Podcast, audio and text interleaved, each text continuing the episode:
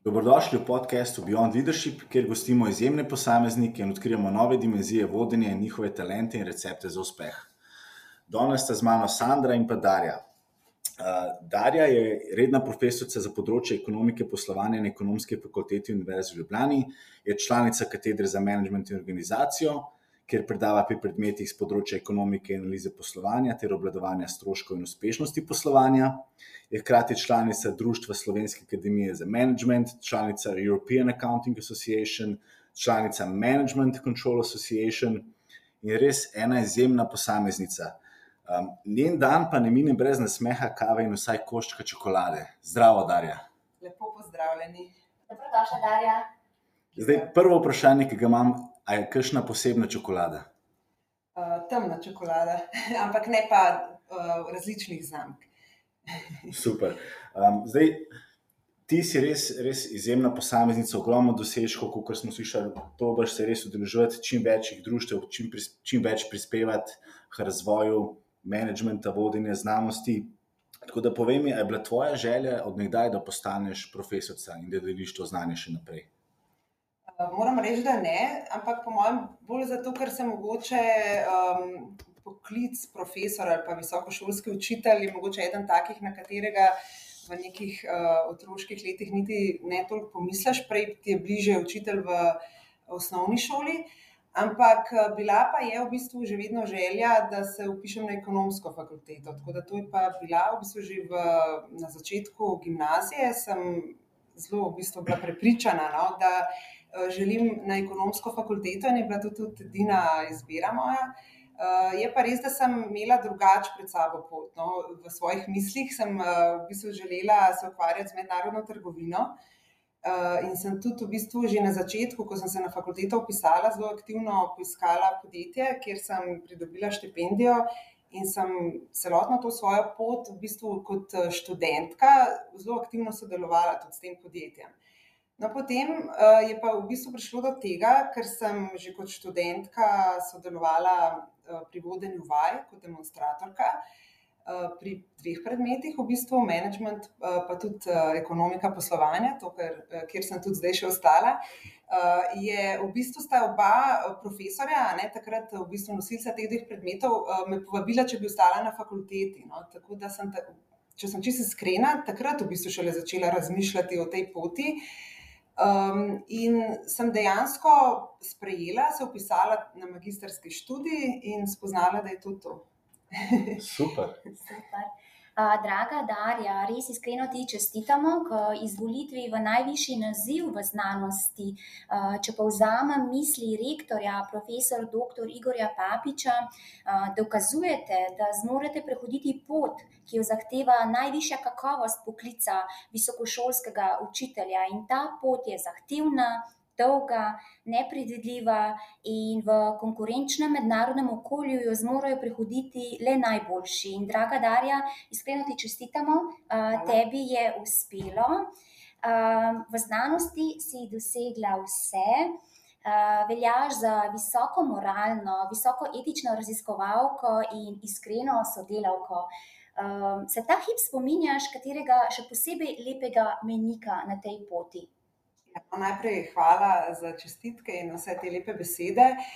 Uh, zdaj, menikov je sigurno več, a ne težko je reči, zdaj, kateri je lepši ali pa um, katerega se še posebej spominjam. No? Uh, jaz bi rekla, da je izjemnega pomena za mene, za mojo karjerno pot, uh, bila predvsem uh, izbira teme, s katero sem se začela ukvarjati. Bolj poglobljeno, to je bilo v bistvu uh, že v času magistrskega študija, uh, ko sem um, v bistvu izbirala temo. In mi je uh, v bistvu profesor Tekavčičeva, moja takratna, pa potem še naprej, a ne vse skozi mentorica, predala, po mojem, nekih deset uh, knjig, zbirke člankov, uh, takrat, recimo, najbolj aktualnih in relevantnih. In je rekla, naj zdaj jaz to vse pregledam in izberem temo, s katero se bom ukvarjala. No, in v bistvu je dejansko moram reči, da sem jih hvaležna za to, zato ker sem takrat prvi začela tako bolj poglobljeno študirati uh, orodja, koncepte, ki jih menedžerji uporabljajo pri svojem odločanju. Prej sem vedela, da obstajajo, ampak ne v bistvu točno, ne v bistvu vse, kateri, kako poglobljeno, kje se uporabljajo, zakaj. In uh, takrat sem zbrala temo poznavanje v bistvu, teh konceptov in uporabo v slovenskih podjetjih. In od takrat, dejansko 20 let, zdaj, če pogledam nazaj, ne, uh, še vedno se ukvarjam z enako temo, s tem, da seveda, sem jo potem bistveno bolj poglobila, razširila in tema ostaja vse skozi aktualna, relevantna, ker gre v bistvu za koncepte, ki jih menedžerji uporabljajo pri svojem odločanju. In zato je to uh, taka tema, ki bo tudi še naprej vedno ostala aktualna. Ne? Tako da sem v bistvu zelo vesela, nekako. Eni, mogoče sem imela srečo, ne, pa tudi znanje pač v tistem trenutku, da sem izbrala temo. Jaz takrat nisem gledala, da bom to 20 let naprej še se ukvarjala z njo, ampak se je nadgrajevala, ne, kot tako bi rekla, neka hiša iz levo kock. No, uh, in še, mogoče bi prej Sandra to še dodala, ker si rekla, da sem dosegla že vse, v bistvu, mogoče kar se tiče nazivov, ampak drugače pa nisem še vsega, še, še naprej. Ja. Super. Um, zdaj, ti si pionirka na področju menedžerskih sistemov kontrole. Um, pa bi te prosil, če našim poslušalcem malo razložiš, kaj to sploh je, kaj to pomeni. Ja, na tvojem uh, predavanju si lepo yeah. predstavila vsem uh, preko metafore pilota in pilotske kabine.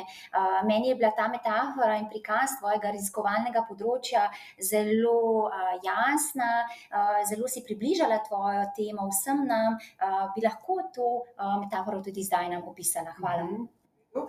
Ja, no, v bistvu, uh, pogo, ko um, nekako ne skušamo prikazati vlogo menedžerja v procesu obvladovanja uspešnosti poslovanja, zelo pogosto uporabljamo to primerjavo s pilotom. In uh, dejansko, ne, um, tudi ko želimo razložiti, kaj sploh je uspešnost, uh, bi mogoče s tem začela, ker veliko ljudi učinkovitost uh, enači z uspešnostjo. Ne. In uh, gre pa za različna pojma. Ne. Tako da v bistvu pri učinkovitosti pomeni, da delamo stvari pravilno, pri uspešnosti pa da delamo prave stvari.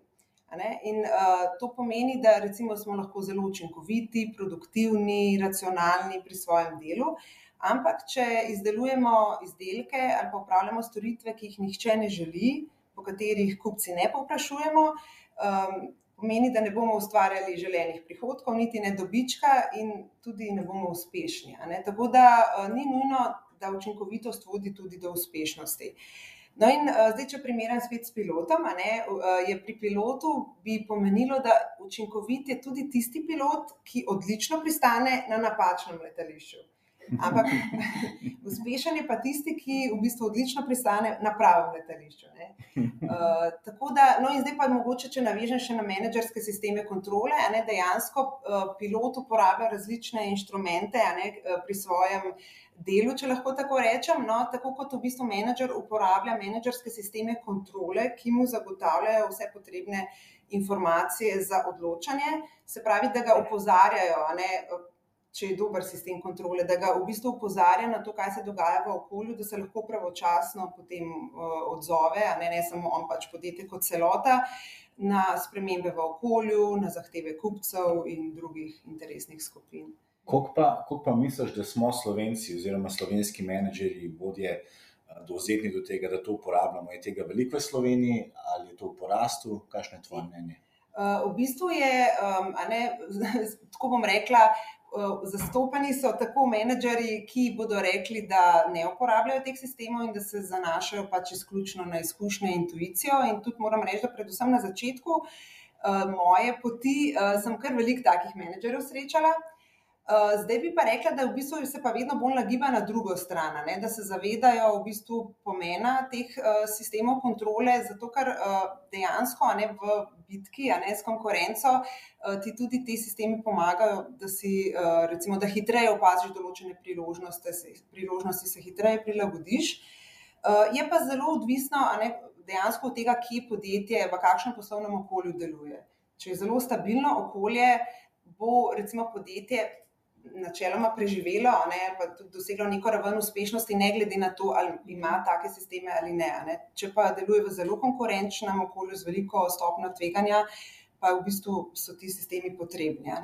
Kar, bi, kar je pa po mojem no, zelo pomembno, je, da ne samo, da nam omogočajo spremljanje poslovanja, ampak preko njih lahko motiviramo zaposlene v bistvu za doseganje ciljev, pa tudi za komuniciranje ciljev, ne, kaj sploh želimo doseči z vidika recimo strateških ciljev. Tako da je različna raven uporabe, težko v bistvu bi rekla, vem, pri večjih podjetjih, sigurno v veliki večji meri, ker tudi bolj potrebujejo. Ne, imamo tudi tam do 70-odstotno uh, stopnjo, recimo, če povem za recimo neke sisteme uh, spremljanja uspešnosti poslovanja. Ne, Pri manjših podjetjih pa je manj, a ne tam do 30 odstotkov ponavadi pride, predvsem zato, ker jih ne poznajo. Ne. Največkrat v bistvu so odgovori na vprašanje, zakaj jih ne uporabljajo, to, da sploh še niso slišali za njih, ne, ker običajno prihajajo eh, mogoče s, pred, z neko drugo predizobrazbo, pa jim v nekem trenutku, ko je podjetje še mehno, niti to ni tako pomembno. Ne. Mark je že omenil, da je tvoje srednje raziskovalno področje so menedžerski sistemi kontrole. Um, Mogoče bi tu poudarila tudi to uh, pomembno vsebino, da si kot prva v doktorski dizertaciji uporabila uh, z metodološkega vidika študijo anglo-saksonski pristop študije primera. Uh, to je bilo takrat leta 2004. Um, kako si se lotila tega raziskovanja? Nam lahko tudi nekaj več poveš, kako je potekala in tudi ta študij v Angliji, kjer si pridobivala znanja. Ja. Uh, ja, no, v bistvu, uh, kot sem že prej omenila, jaz sem najprej v, pri magistrskem študiju raziskovala poznavanje in uporabo uh, teh menedžerskih orodij, o katerih smo govorili v slovenskih podjetjih na splošno. Uh, potem pa me je v bistvu zanimalo malo bolj poglobljeno, kakšni so dejansko tisti vzvodi, ne, uh, ki jih podjetja uporabljajo pri obvladovanju uspešnosti poslovanja. In sem nekako um, želela izvesti to na študiji primera, se pravi z uporabo kvalitativne študije kot metode raziskovanja. No in v tistem času je bila to pri nas zelo, zelo redko zastopana metoda, na naši fakulteti dejansko sploh še ni bilo doktorske dizertacije s to metodo. In je bilo mogoče neka raven uh, skeptičnosti, ali bo ta metoda v redu ali ne bo. No, in je bilo to tudi potem mogoče nekako vodilo, da sem želela poiskati uh, tudi so mentorja iz države, kjer je pa ta metoda, bom rekla, prva, ki jo izberejo doktorski študenti, ki preučujejo menedžerske sisteme kontrole. No, in dejansko v Veliki Britaniji, recimo, ali pa no, zdaj, če malo užje rečemo, uh, v Angliji je to še vedno ne, metoda, ki jo v bistvu največ uporabljajo, prav tako tudi v skandinavskih deželah na, pri študiranju menedžerskih sistemov kontrole. In zato sem se v bistvu v času doktorskega študija potem uh, odločila, ne, da grem uh, dejansko na angliško univerzo in tudi v bistvu sem potem tam delala skupaj uh, z mentorjem.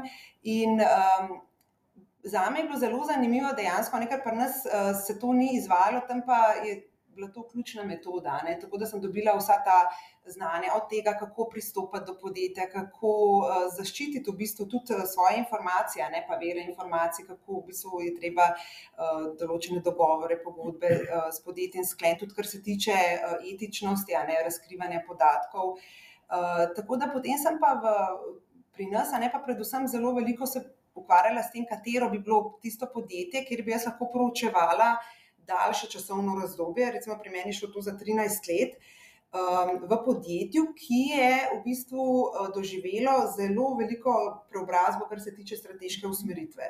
Zato, da sem lahko spremljala, kako je tej preobrazbi potem sledilo tudi spreminjanje menedžerskih sistemov kontrole, ki jih uporabljajo um, tudi v, recimo, z vidika ne samo formalnih sistemov, ampak tudi neformalnih, kot je način vodenja, kultura v podjetju. Uh, no, in moram reči, da mislim, res uh, sem bila zelo vesela, no, uh, takrat, uh, da sem našla to podjetje in uh, uspela izvesti raziskavo.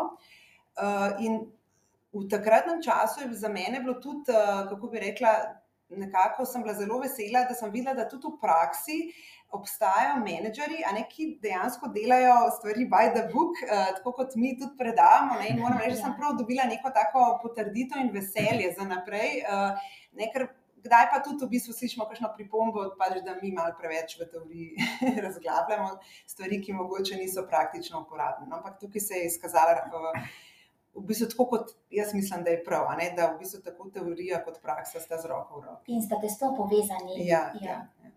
Zdaj, kot, eh, kot mlada raziskovalka in pa pionirka na večjih področjih, me zanima, kakšno je tvoje mnenje, koliko je pomembno, da imaš nekega mentorja ali pa vzornika, da, da ti v bistvu pomaga, svetuje, te vodi. Ogrom, to je ključnega pomena. Za mene, tako, če gledam, recimo, jaz nazaj, dejansko ne samo za mene, ampak za vsakega mladega ali to raziskovalec ali novo zaposlen, je ključen mentor. V bistvu, dejansko tvoja razvojna pot naprej je zelo odvisna od tega, kdo je tvoj mentor, ne samo kdo, ampak kako s tabo dela. Ne?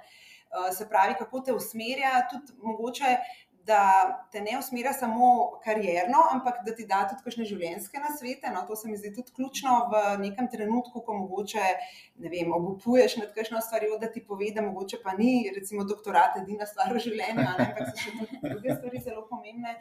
Uh, tako da to je.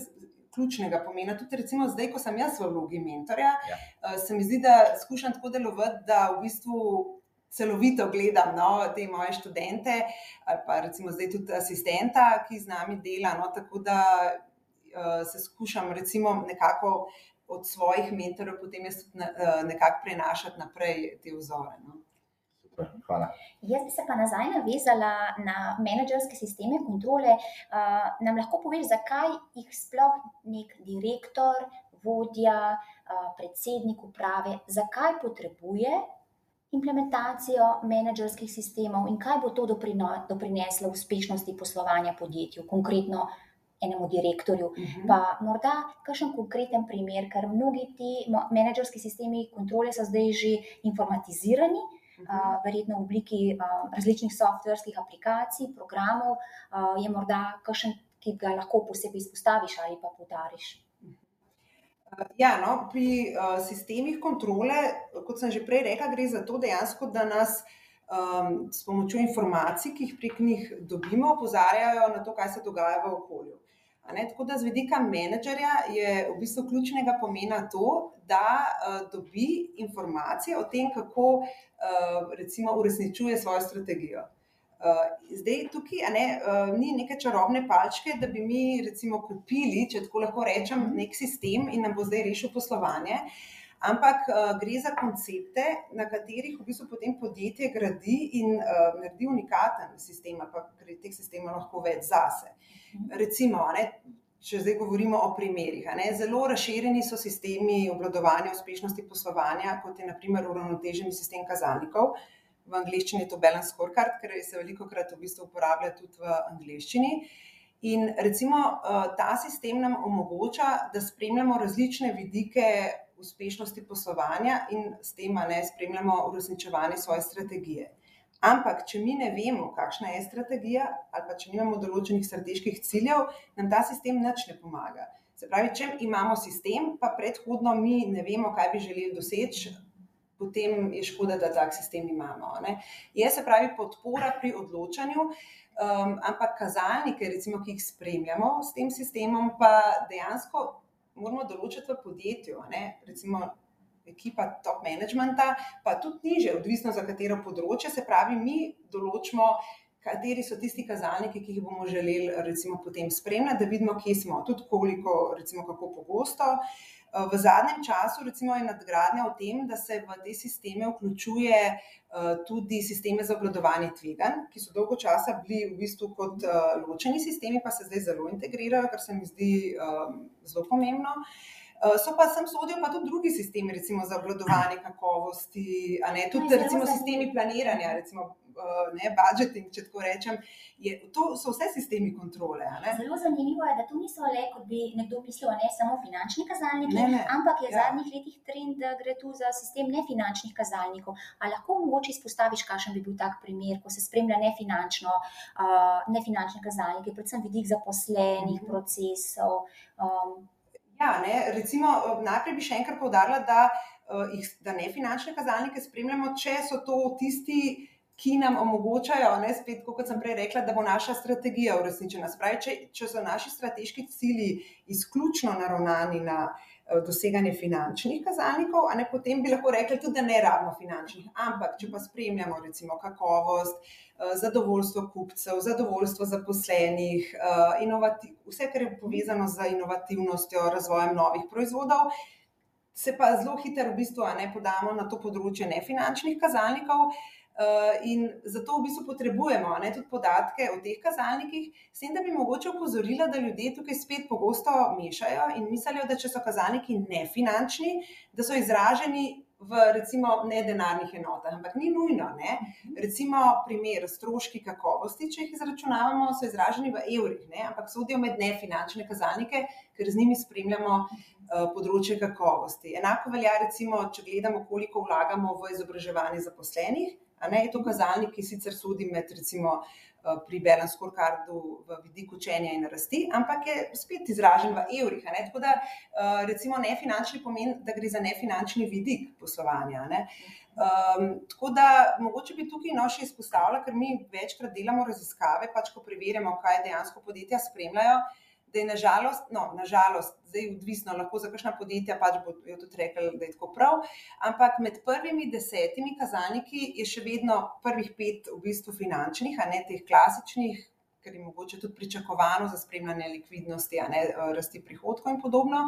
Potem pa se šele začnejo pojavljati nefinančni, ampak tudi ti so večinoma ne zelo te klasični, ki jih poznamo, ne vem, kazalniki obračanja, ki sicer kažejo na učinkovitost procesov, ampak to so že kazalniki, ki so tudi ne, že v bistvu desetletja prisotni. Medtem ko med prvimi desetimi, recimo, ni nobenega kazalnika um, učenja in rasti. Kar je pa, bom tako rekla, nek temelj, na katerem bi podjetje moglo graditi, pač zna, ljudje, pa njihovo znanje, na tem lahko gradimo. Ne. Tako da tukaj je kar še veliko priložnosti za izboljšave, v bistvu, da bojo kazalniki uh, ti, ki jih zdaj ni, ne, med top deset kazalniki, prepoznani kot tisti, ki so, po mojem, kar ključni no, za razvoj podjetja. Super, najlepša hvala za to, eh, za to razlago in to pogled. Zdaj, jaz imam pa eno bolj, bolj tako osebno vprašanje in sicer.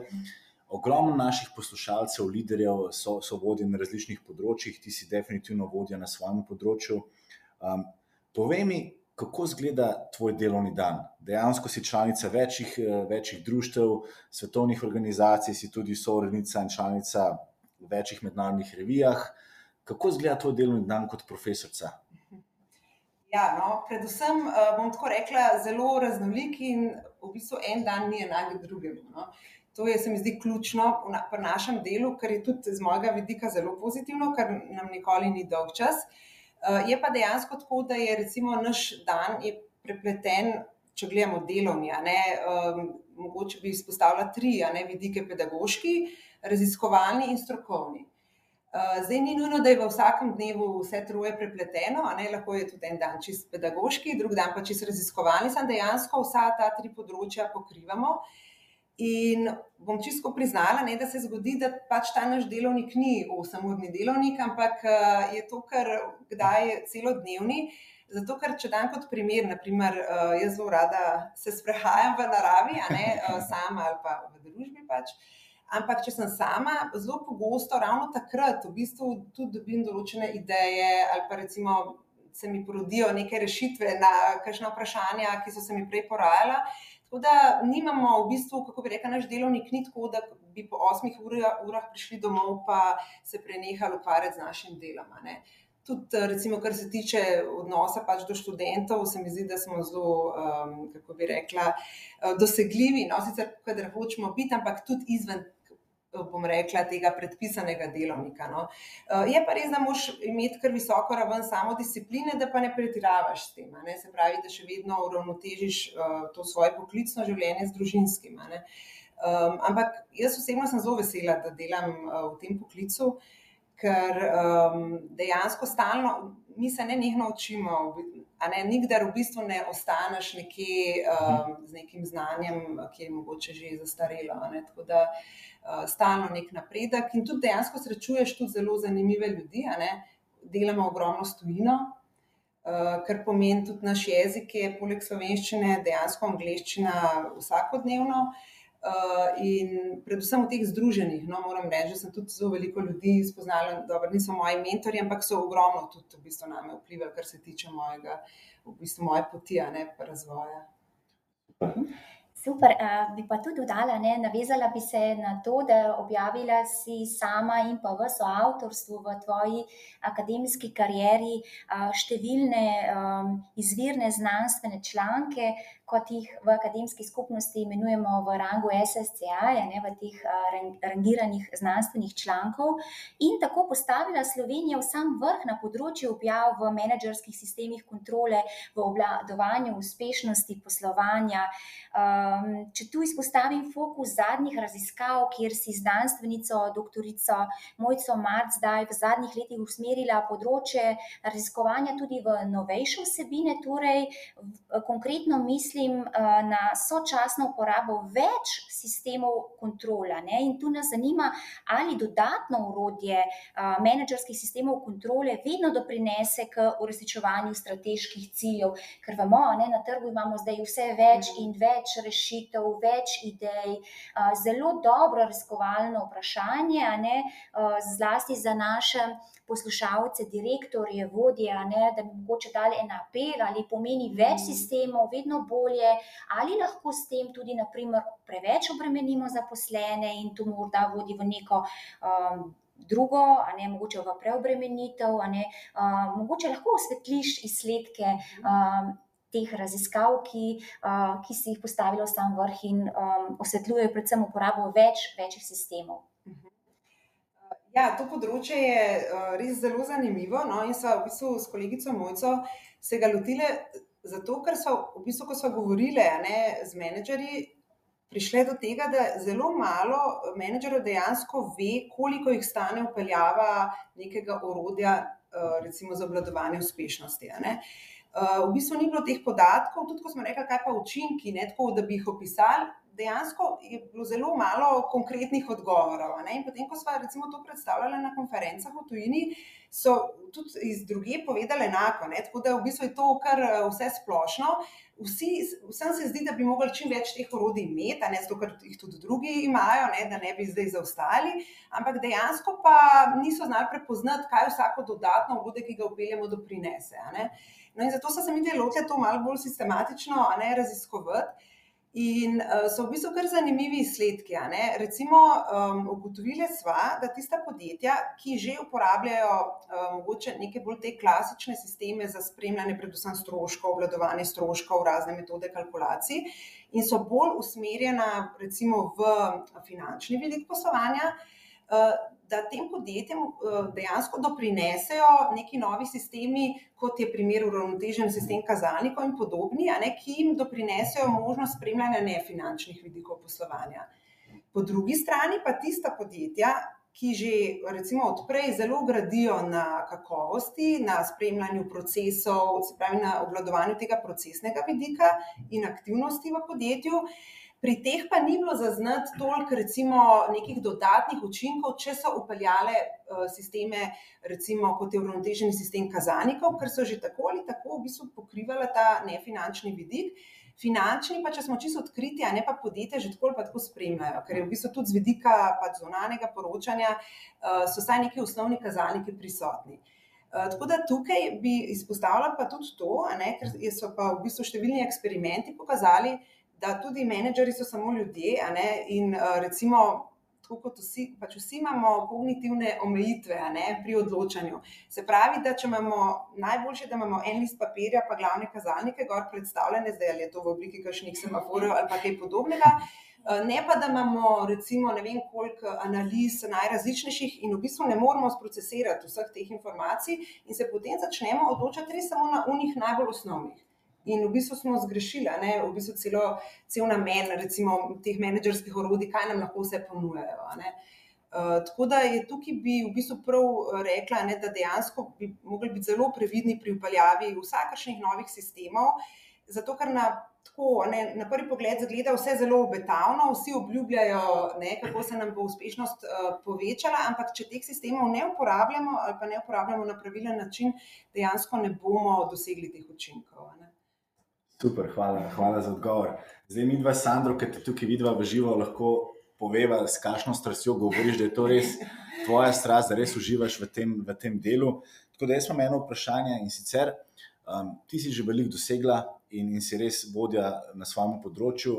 In ponovadi ljudje, ko, ko gledamo neko osebo, vidimo njene nazive, pa vse te bleščeče stvari, ne vemo pa, kako je ta oseba, v bistvu, kaj je bilo potrebno, da je prišla do tega. Tako da me v bistvu zanima, kaj bo tvoj največji uspeh, pa en največji izziv, ki si ga mogla prehoditi, da si prišla do tukaj, kjer si. Ja, no, tukaj uh, bi mogoče povedala, kako jaz gledam na uspehe, izzive in to. No? Uh, recimo, jaz uh, definitivno ne gledam uh, samo z vidika karijere. Okay, uh, in bi zato tukaj poudarila, da recimo, ko gledamo svojo karjerno in življenjsko pot, ne, imamo na tej poti zelo različne vloge, igramo. Ne? Igramo, oziroma ja, v bistvu jih igramo ne, in skušamo doseči tudi svoje neke osebne cilje, a ne pač v karieri so to povezani s podjetjem, z organizacijo, kjer smo. No, in tako kot velja pri sistemih, ne, ki jih jaz preučujem, da se izkaže neka uravnoteženost kot najboljša, bi jaz tukaj to izpostavila. Ne, da če gledamo mogoče tekom večjih let, je za mene osebno največji uspeh, da, uspe, da recimo vse te različne vloge uravnaš. In, uh, da, ker v bistvu jaz gledam človeka kot um, na način, ne, da ne moreš biti na vseh področjih najboljši. Mogoče v določenem časovnem obdobju si v enem, ampak mhm. potem neko drugo področje, mogoče na ta račun uh, ni tvoja prioriteta, ga zanemarjaš, ampak Absolutno. dolgoročno bi jaz rekel, da je uspeh, da uspeš ravnotežiti recimo če dam kot primer, pri uh, sebi bi jaz rekla karjerno, pa družinsko življenje. Ne?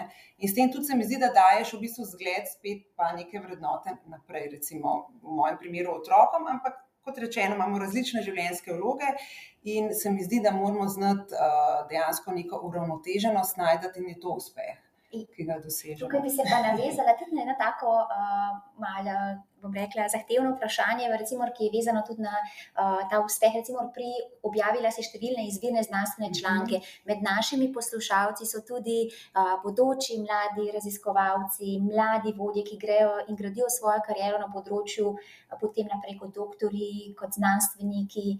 In vemo, da je izvirni znanstveni članek v mednarodnem zelo konkurenčnem okolju zelo težko objaviti.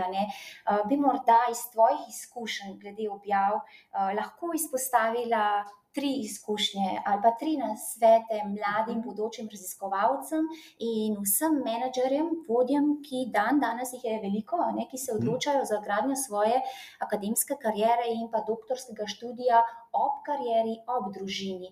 Uh, vemo, da je potrebna ustrajnost, ne, ena objava takšnega članka uh, v sodelovanju z ekipo je tudi časovno, a ne uh, trajajoča. Morda lahko izpostaviš, ne, osvetliš, recimo, kaj ja. bi pa ti priporočila tistim, ki se podajo na to pot raziskovanja? To se mi zdi odlično vprašanje. In uh, v bistvu ga tudi uh, jaz uh, zelo malo skušam na njega odgovoriti pri svojih v bistvu, študentih, kjer sem mentorica. In sicer zato, ker uh, dejansko je za mladega raziskovalca v neki fazi, ko hoče pokazati uh, domači in tuji javnosti svoje rezultate v obliki objave v nekem takem izvirnem znanstvenem članku. Včasih uh, bom tako rekla, ker zelo, um, mogoče tudi taka, bi kdo rekel, slaba izkušnja ali pa izkušnja razočaranja.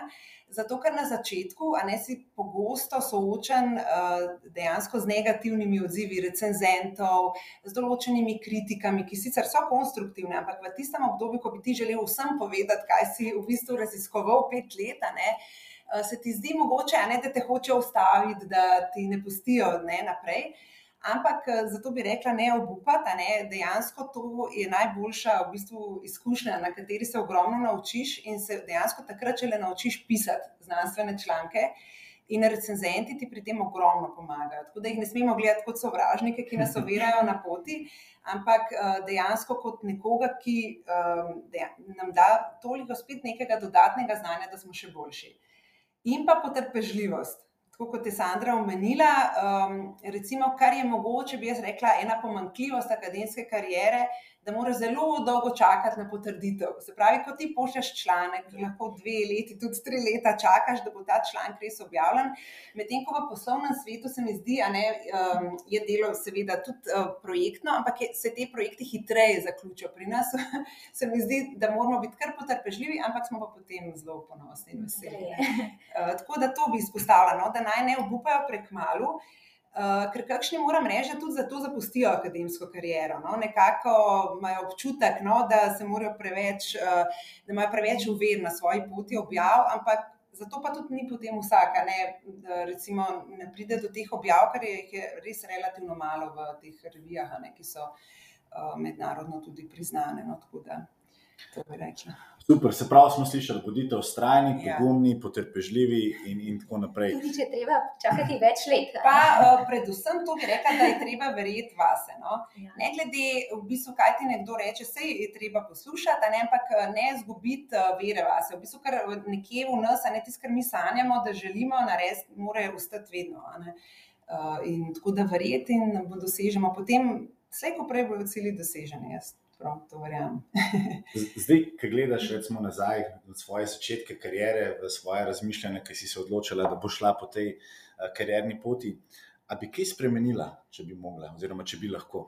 Uh, kar bi spremenila, ali pa dodala, ne bi to spremenila, bolj dodala. Uh, recimo, ker sem imela to izkušnjo odhoda v tujino in delovanja v tujini, uh, bi to še večkrat počela. No? Se pravi, da v, recimo, spoh na začetku kariere, ko bom tako rekla, si tudi malo bolj uh, svoboden, kar se tiče razporejanja s svojim časom, bi veliko več, uh, recimo, prav preživela v tujini, uh, v bistvu s tujimi sodelavci.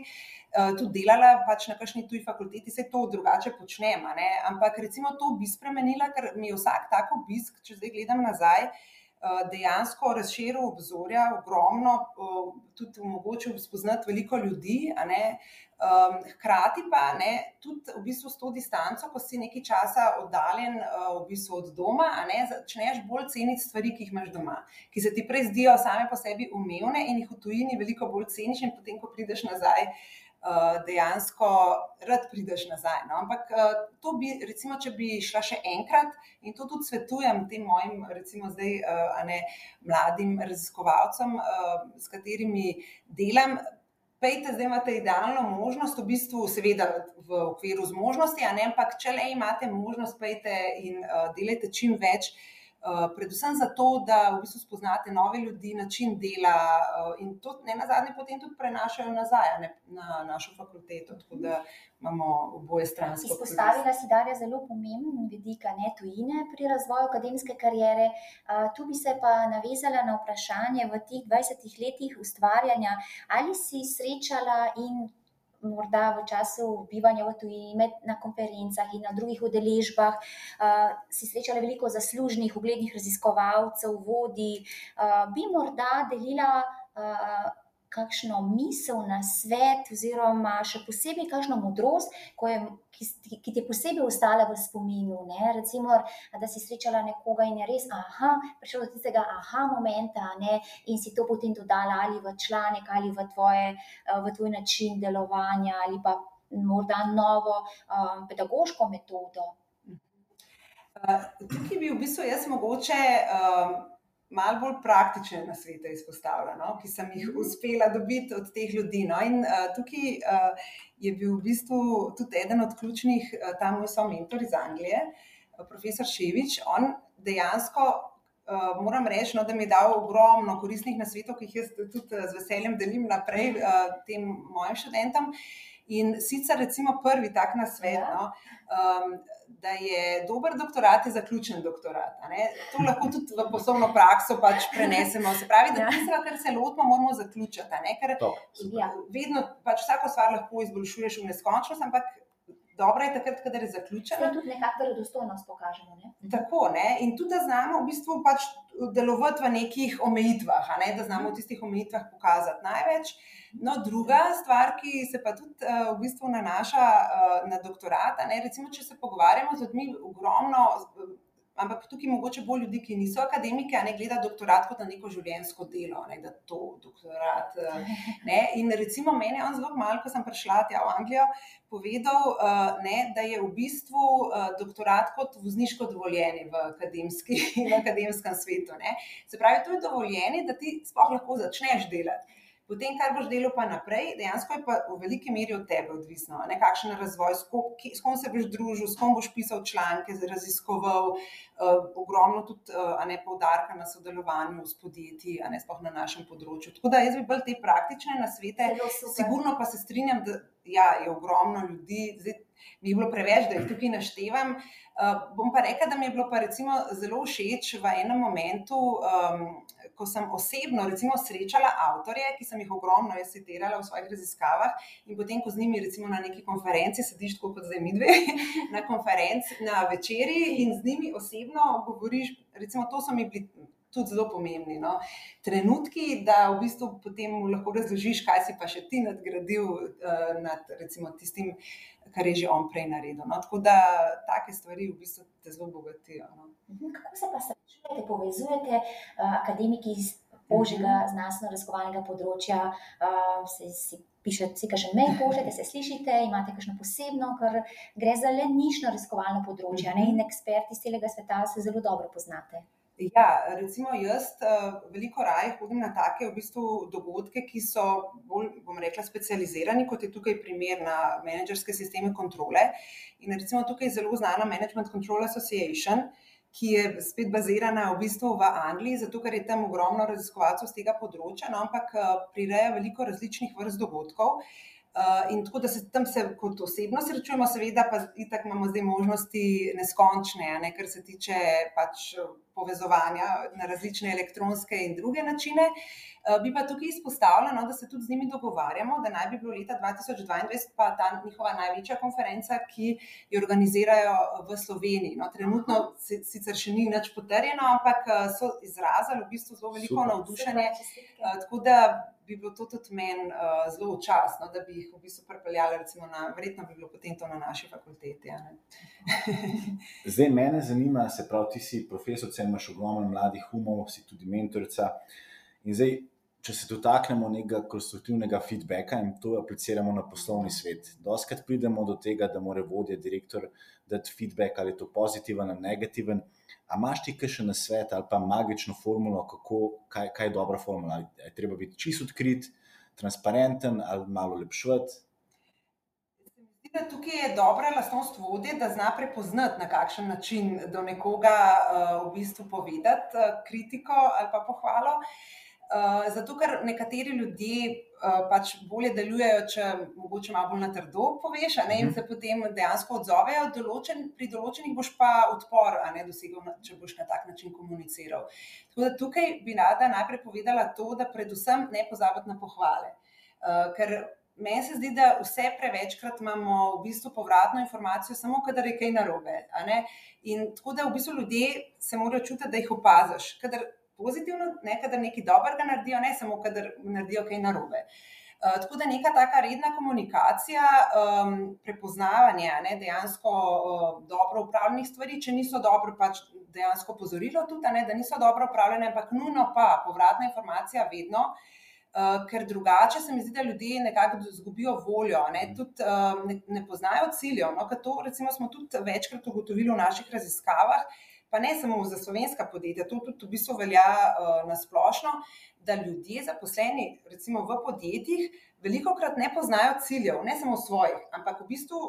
Ciljev podjetja kot celote, ker pride tudi iz tega, v bistvu, da mhm. ni neke prave komunikacije, niti nepovratnih informacij, da bi sploh vedeli, ali so na poti do doseganja uh, cilja. Ne? Tako da tukaj se mi zdi ključno, mislim, je ogromno možnosti, kjer lahko naredimo vsi še nekaj napredke. Ne?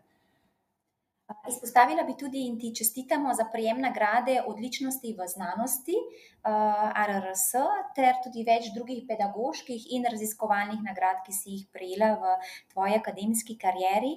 Uh, morda lahko osvetliš, kam so pa recimo, kam usmerjaš prihodne raziskave, s katerimi raziskovalnimi vprašanji in pa s katerimi projekti um, se zdaj ukvarjaš, oziroma kam usmerjaš raziskovalne cilje, v katere vsebine. Ja, v bistvu um, sem. Uh, prej v pogovoru že omenila, ne, da se v zadnjem času zelo um, tako pač teoretiki, kot tudi praktiki ukvarjajo z. Um, S proučevanjem načina uporabe sistemov za obvladovanje tveganj kot dela sistemov menedžerske kontrole. Tako da v bistvu tudi jaz, uh, skupaj, a ne že prej smo omenili uh, s kolegico Mojso, tukaj največ skupaj sodelujejo, pa še tudi v bistvu uh, z eno hrvaško kolegico, uh, Danielo Miloš Sprčič iz uh, fakultete v Zagrebu. Uh, kjer smo skupaj izvedli v bistvu kar tako zelo široko študijo na slovenskih in hrvaških podjetjih z področja v bistvu obvladovanja tveganj, povezave do strategije, Eh, tudi recimo, eh, kako ta tveganja vplivajo na način ne, uporabe določenih informacij pri odločanju. Tako da največ mislim, da v prihodnih letih se bom kar s tem ukvarjala, no, sistemi za obvladovanje tveganj v, eh, kako bi rekla, odnosu do obvladovanja uspešnosti poslovanja, ne, kaj so prednosti, slabosti, kakšni sistemi se izkažejo kot najboljši. Super. Dajmo se še malo dotakniti, eh, kaj Darja počne, ko ni profesorica. Kakšne serije imaš rada, kakšne knjige rada bereš, aj kakšna oddaja na Netflixu, zdaj, ki ti je pritegnila pozornost. ja, no, evo, to, eh, v bistvu, tukaj, kar se tiče um, teh stvari, imam jaz, uh, tako bom rekla, um, določene. Um, serije, naprimer, ne, ki me zanimajo, so že zelo starejšega datuma. No, uh, kakšne so tudi uh, novejše. No, ampak recimo, tako bom rekla, kot neka taka zimzelena, mogoče med humorističnimi, ki jo zelo rada gledam, je Zainfeld. Okay. To mi je, bom tako rekla, vedno aktualna, tako kot moji sistemi kontrole. uh, drugače sem pa zelo, v bistvu, bom tako rekla, oboževalka no, kriminalnih serij. S tem, da mi um, veliko bolj ustrezajo uh, angliške, pa francoske, uh, Eh, kot mogoče ameriške, zato ker v bistvu bolj delajo na tej psihologiji. Uh, in če tako povem, mogoče so mi bliže, ker tudi malo bolj raziskovalno uh, se lotijo uh, tega detektivskega posla. No, prej, mogoče, ko smo govorili, recimo, po mojem, bi bila ena od mojih možnih karier tudi, recimo, da bi delala na nekem področju, recimo, eh, kot je uh, detektiv ali kaj takega, ker je zelo blizu. Drugače pa enako pri knjigah je v bistvu podobno, no, psihološke kriminalke. Mi, uh, moram pa reči, no, da rada posegam predvsem po. To vrstnih knjigah, strokovnih, v bistvu je že poklicno, zelo ogromno preberem, tako da jih sicer veliko preberem, ampak ni to moj prosti čas, jih eh, kar v službenem času preberem. No, čeprav jih je tudi kar nekaj. Ne. Uh, ne vem, od teh strokovnih bi lahko izpostavila, mogoče, ker sem prej omenila, kaj raziskujem, Risk-Based Performance Management. Ker je to sta dva avtorja, Krillman in Smart, uh, ki dejansko se ne, s tem ukvarjajo, kako združiti različne sisteme in jih povezati z obladovanjem tveganja. No. Tako da, ja, no, Super, to, to, to knjigo bomo definitivno potem tudi navedli za vse direktorje, menedžerje, ki se želite več poučiti o uh, menedžerskih sistemih kontrole. Morda pa še iz uh, gimnazije, ne, si pa tudi plesala, ne, zdaj recimo, uh, standardne plese, zdaj pa recimo ti je narava, ne, zelo blizu in pohodi v naravo, v gore, uh, ampak tudi uh, športe pa tudi spremljajo. Ja, recimo, ple, ja, Ples pa glasba, definitivno sta mi še zmeraj zelo blizu, uh, tako da sploh glasba, no, dobro, ples ob uh, posebnih priložnostih, odvisno, če so na voljo, so plesalci. Ampak uh, drugače pa ja, predvsem to no, v naravi, recimo, uh, zdaj, ali so to krajši, daljši sprehodi, uh, je pa to tudi kar del v bistvu mojega dejansko vsakodnevnika. Tako, če pogledam, že kakšne dve leti se trudim, no, da je to kot že neka navada postala. Super, zdaj, če povzamemo vse skupaj, kaj bi bila tvoja neka zaključna misel, ki bi jo namenila našim poslušalcem? Imej v mislih, da imamo od direktorjev do vodij uh, raznih manjših, večjih podjetij, do akademikov, do mladih študentov, do oseb, ki se še iščejo. Kaj bi bila neka taka zaključna misel? No, tukaj mi je pa zdaj prišlo na misel, ker sem omenjala, da mi je nasplošno tudi glasba zelo blizu. In bom pa rekla citat uh, Georgea Michaela uporabila. Prosim. Bom v angleščini najprej povedala, pa potem še v slovenščini. No. To je iz njegove pesmi uh, Heal the Pain. In uh, pravi pa takole: Be good to yourself, because nobody else has the power to make you happy. Uh, se pravi, da v bistvu moramo biti dobri sami s sabo ker imamo samo na koncu mi tisto močno, da se osrečimo. In zdaj, ali je to na kariernem ali pa na, v bistvu, na splošni na življenjski poti, se mi zdi, meni osebno je to misel, ki mi je zelo blizu. Super. Res hvala, Darja, za tvoj trud, za tvoj čas, za vse, kar si tudi za nas naredila, da si bila naša gostja in na tvoji akademski poti, in pa tudi v zasebnem življenju in na družini. Vse lepo in veliko uspehov še naprej. Hvala ti. Najlepša hvala. Hvala za povabilo. Ja, hvala.